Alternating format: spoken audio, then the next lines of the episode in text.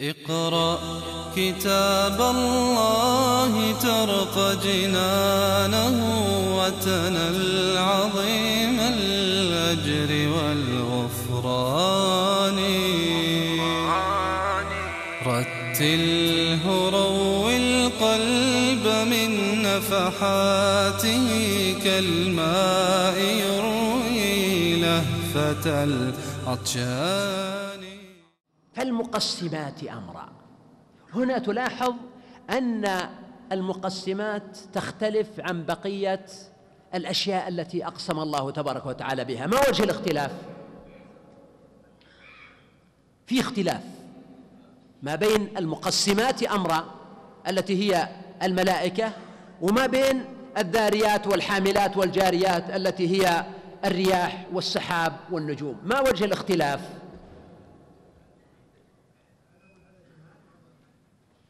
آه نعم طبعا في جانب إنها الأولى جمادات والملائكة أحياء. في أيضا اختلاف ثاني. الملائكة عالم غيبي لا يرى. بينما الذاريات والحاملات والجاريات شيء يشاهد بالعيان. وفي هذا معنى لطيف وتربية وهو الانتقال من المجهول إلى من المعلوم إلى المجهول. بمعنى أن الله تعالى تدرج بهم يذكرهم بالسحاب والرياح والنجوم وحركة الكون ليقول لهم بعد ذلك إن هذه الحركة ليست اعتباطية ولا فوضى وإنما هي حركة منظمة وحركة مرتبة وحركة يقوم عليها ملائكة متخصصون ولذلك الملائكة عليهم السلام. متخصصون في أشياء منهم المتخصص بالنبات ومنهم المتخصص بالمطر ومنهم المتخصص بالوحي ومنهم المتخصص بالأرواح ومنهم المتخصص بالقتال ومنهم المتخصص في أمور الجنة أو النار أو الدنيا أو الآخرة. وهم عدد ضخم لا يحصي إلا الله عز وجل. فهذا فيه نوع من التدرج وفي نوع من تقديم الدعوة بقالب سهل للناس. لأن الإنسان يجد أن هناك قسم بأشياء يعرفها ثم يأتي في آخرها القسم بشيء جديد معلومة جديدة بالنسبة له وهي القسم بالملائكة. فتدخل هذه المعلومة أو المفردة الجديدة ضمن معتقده وضمن إيمانه أن هناك عالم آخر لا يرى بالعين. هو عالم الملائكة عالم ملائكي. وهذا فاصل كبير لأنه هنا يبدأ الإيمان بالغيب الذين يؤمنون بالغيب. وينتقل الإنسان من المادية أو العقلية المادية التي لا تؤمن إلا بالحس إلى العقلية الإيمانية العلمية. لا أقول العقلية الأسطورية التي ابتلي بها بعض المسلمين اليوم فتجد كثيرا من عوام المسلمين في جميع بلاد الإسلام يتناقلون أساطير وروايات وخرافات وأقوال دون أن يكون عليها دليل. ومن أسهل الأشياء أن تشيع بينهم وتنتشر وتردد ويتناقلونها. ويصعب عليهم الخلاص منها.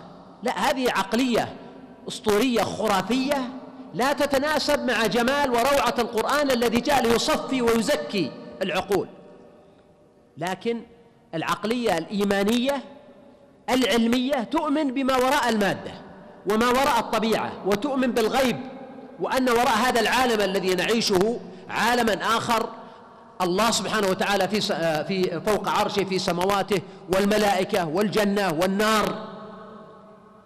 وهذه الأشياء ذات تأثير ضخم جدا في حياة الناس اليومية. وهذا الإيمان في قلب الإنسان يزيده اتساحا اتساعا وانفساحا وانشراحا. اذا هذا احتمال. الاحتمال الثاني في تفسير هذه الآيات. أن تكون الآيات كلها المقسم بها تعني شيئا واحدا ولكن أقسم الله تعالى به في حالات عدة. فمثلا يكون المقصود الرياح. أقسم بها مرة باعتبارها ذاريات تذرو الهشيم. وأقسم بها مرة باعتبارها حاملات تحمل حتى السحاب نفسه فإن الرياح هي التي تحمله. وأقسم بها مرة باعتبارها جاريات فالرياح تجري. بأمر الله عز وجل. وأقسم بها مرة باعتبارها مقسمات. جعلها الله تعالى سببا في قسمة أشياء على الناس. أو يكون المقصود السحاب. أقسم به مرة باعتباره ذاريا. فالرياح فالسحاب يكون متفرقا في السماء ثم يترامى ويتجمع. وأقسم به مرة باعتباره حاملا للمطر. وأقسم به مرة باعتباره يجري جريانا يسيرا سهلا. ولذلك العرب يمثلون. يقول كأن مشيتها من بيت جارتها مر السحابة لا ريت ولا عجل فهو مرور سريع يسير. وأقسم بها مرة باعتبارها مقسمات للرزق للمطر الذي أنزله الله سبحانه وتعالى. كما قال وأنزلنا من السماء ماء مباركا إلى قوله سبحانه رزقا للعباد. وأحيينا به بلدة ميتا كذلك الخروج. إذا هذا احتمال ثاني. في احتمال ثالث أن يكون هذا القسم صالحا لكل ما يحتمله اللفظ. ولذلك ذكر الله تعالى الصفة ولم يذكر الموصوف. يعني لم يقل سبحانه والرياح الذاريات ولا قال والسحاب الذاريات وإنما قال والذاريات. فذكر الصفة وترك الموصوف من أجل أن يكون اللفظ شاملا لكل ما يحتمله المعنى وهذا في نظري أجمل. وأوسع بحيث نقول إنه حينما يقسم الله تعالى بالذاريات فيقول والذاريات ذروة. يشمل هذا السحاب ويشمل الرياح ويشمل ربما معاني أخرى لا تخطر في بالنا الآن تدخل في هذا السياق. وحينما يقول فالحاملات وقرا يشمل هذا السحاب لأنها تحمل المطر ويشمل الرياح لما تحمله ويشمل أيضا ماذا؟ الحاملات. ها؟ السفن. السفن هي الحاملات وقرة عند ابن عند علي بن أبي طالب رضي الله عنه وعند عمر. فتدخل أيضا في الج في الجاريات في الجاريات يسرى السفن. وكذلك المقسمات أمرا. تشمل الملائكة وتشمل الرياح وتشمل السحاب وتشمل غيره مما يصدق عليه المعنى بدون تكلف. بدون تكلف بهذا الشرط. وبذلك نقول إن هذا القسم له شمولية وسعة ليشمل كل هذه المعاني المحتملة. وبعض المفسرين فسروه من غير ترتيب فقالوا إن الذاريات هي لا لا لا إن الذاريات هي الرياح وإن الحاملات وقرا هي السحاب وإن الجاريات يسرا هي السفن في البحر والمقسمات هي الملائكة. وهذا ذكره ابن الكواء عن علي بن أبي طالب رضي الله عنه. سأله عن هذه الأشياء فأجابه بهذا الجواب. وكذلك ورد عن صبيغ بن عسل وهو شاب كان مشهورا بكثرة الأسئلة والإفراط فيها لكنه تجاوز مسألة البحث والتحري إلى السؤال الذي يكون فيه قدر من التنطع والمبالغة والإغراق والأسئلة في القرآن وجعل الآيات والنصوص بعضها في مقابلة البعض. فجاء مرة إلى عمر وسأله قال له ما هي الذاريات قال له الرياح. قال الحاملات. قال السحاب. قال الجاريات. قال السفن. قال المقسمات. قال الملائكة. ثم أمر به عمر رضي الله عنه فجلد جلده وأخرجه من المدينة. إلى العراق. فكتب إليه عامله أبو موسى الأشعري أن الرجل قد ندم على طريقته وعلى أسلوبه الذي فيه إفساد للجو العلمي. هنا قد يقول قائل هل المسألة مصادرة للسؤال؟ لا. طريقة صبيغ بن عسل كان فيها إفساد للجو العلمي لأن فيه طرح أسئلة غير مناسبة وفي مكان غير مناسب وأسئلة فيها كثير من الافتعال. وفيها كثير من التكلف وخاصة في كتاب الله تعالى.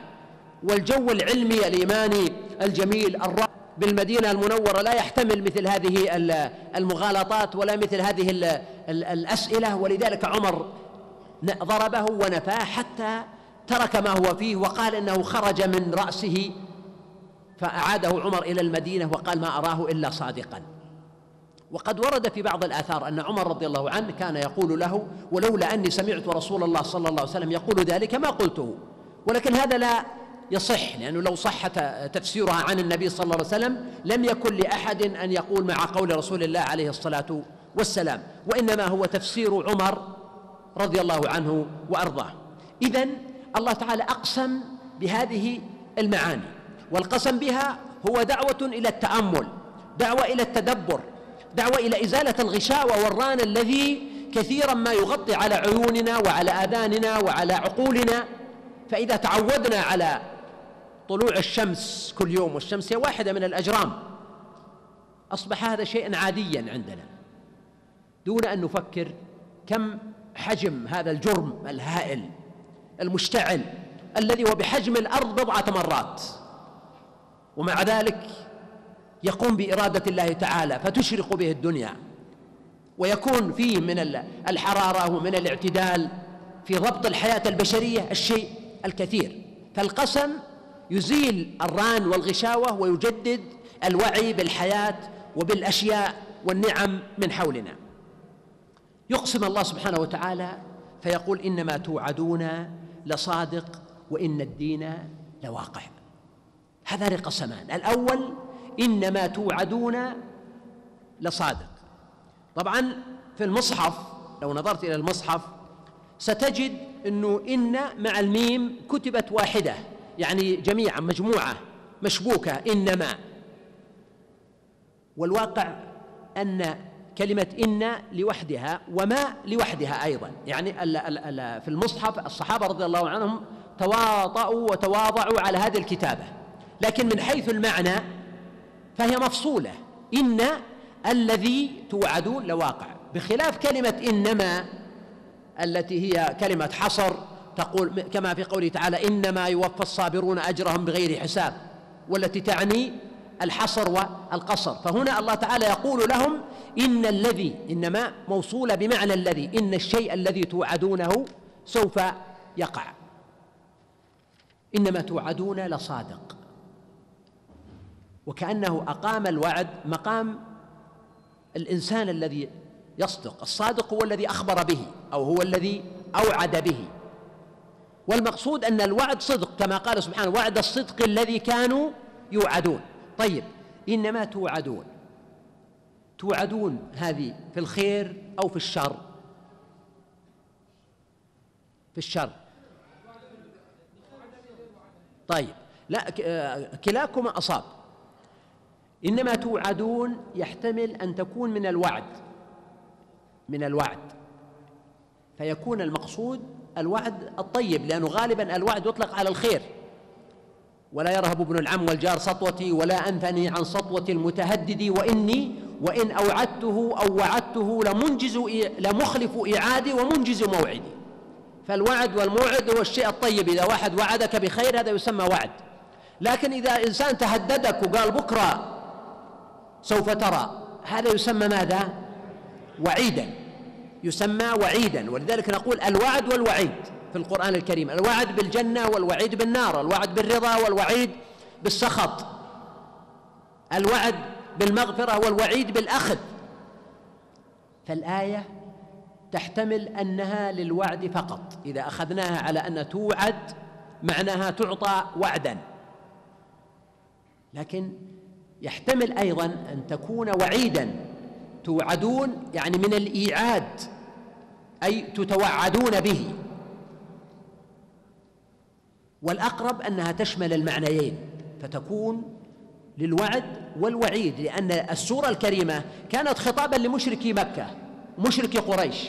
وفي الوقت ذاته فيها خطاب كثير وطويل للنبي صلى الله عليه وسلم والمؤمنين والمسلمين معه. ففيها الوعد وفيها الوعيد ولذلك جاء في أثناء السورة الحديث عن الجنة وجاء في أثنائها الحديث عن ماذا؟ عن النار. فهنا قال إنما توعدون لصادق وإن الدين لواقع. الدين ما هو؟ هل الدين معناه الإسلام هنا؟ لا. الجزاء. الدين هو الجزاء. يقول يدينه يعني يجازيه. فيوم الدين هو يوم الجزاء يوم الحساب. إذا قوله وإن الدين لواقع يعني إن المجازات والفصل بين الناس وإيصال الحقوق لأصحابها ومعاقبة المكذبين ومجازاة الطائعين إن هذا الأمر واقع. طيب هنا سؤال. إنما توعدون لصادق. هذه واحدة.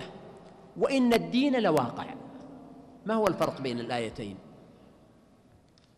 ما هو الفرق بين الآيتين؟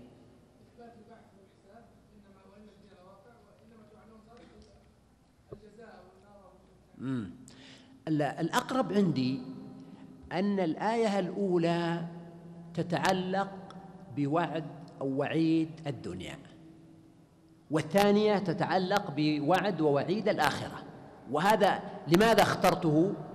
حتى يكون لكل آية معنى غير معنى الآية الأخرى ولا يكون فيه تكرار لأن القرآن لا يوجد فيه تكرار محض. وأي تكرار في القرآن فهو لمعنى وسوف نوضح هذا أكثر في سورة الرحمن إن شاء الله تعالى. طيب فنقول إن الأولى فيما يتعلق بالوعد والوعيد الدنيوي أنه صادق. فكل ما وعد الله تعالى به المؤمنين وعدهم بأن وعد الله الذين آمنوا منكم وعملوا الصالحات لا لا يستخلفنهم في الأرض كما استخلف الذين من قبلهم وليمكنن لهم دينهم الذي ارتضى لهم وليبدلنهم من بعد خوفهم أمنا يعبدونني لا يشركون بي شيئا. ووعدهم الله تعالى بعز هذا الدين ونصر هذا الدين وأن يبلغ هذا الدين ما بلغ الليل والنهار. وعدهم بوعود كثيرة جدا وعدهم بزوال كثير من قوى الباطل التي كانت موجودة. فهذا وعد دنيوي للمؤمنين. وهناك أيضا وعيد لمن؟ للكافرين بالأخذ والعقاب والزوال. وألوان من المواعدات إن لم يؤمنوا فالله تعالى بين أن ذلك كله سوف يقع في الدنيا. وكذلك الدين الذي هو الجزاء الأخروي في الآخرة فهو واقع أيضا. فهذا يشمل كل وعد وكل وعيد في الدنيا وفي الآخرة. ولذلك نقول الآية تشمل حتى الوعد في الأشياء العادية للفرد العادي. مثلا من عمل صالحا من ذكر أو أنثى وهو مؤمن ف فلنحيينه حياة هذا مما توعدون. وهو وعد صادق. والله لا يخلف الميعاد. فإذا صدق العبد في إيمانه لربه سبحانه ولامس الإيمان شغاف قلبه فإنه هنا يجد الحياة الطيبة السرور وقرة العين. وغضارة العيش وسعادة الدنيا بالنفس والأهل والزوج والولد والتجارة والمأكل والمشرب والملبس والمنام وطيبات الحياة الدنيا بكل ما أعطى الله تعالى فضلا عن الاستمتاع بالإيمان ذاته. إذا ما توعدون يعني في الدنيا والدين وإن الدين لواقع يعني في الآخرة. ومما يعزز هذا المعنى أن سياقات السورة كلها حتى آخرها ذكرت ألوانا من الوعيد الدنيوي الذي حل على الكافرين مثل ما نزل بالأمم السابقة وعرضت لشيء مما وقع لقريش نفسها. كما في قوله وإن للذين ظلموا ماذا؟ في آخر السورة ذنوبا مثل ذنوب أصحابهم. ف فلا يستعجلون. سوف أشير إلى هذا المعنى عند تلك الآية. وأما قضية إن الدين لواقع فيؤيده ما في السورة من الحديث عن الجنة والنار. اقرأ كتاب الله ترق جنانه وتنل عظيم الأجر والغفران. رتله من نفحاته كالماء يروي لهفة العطشان.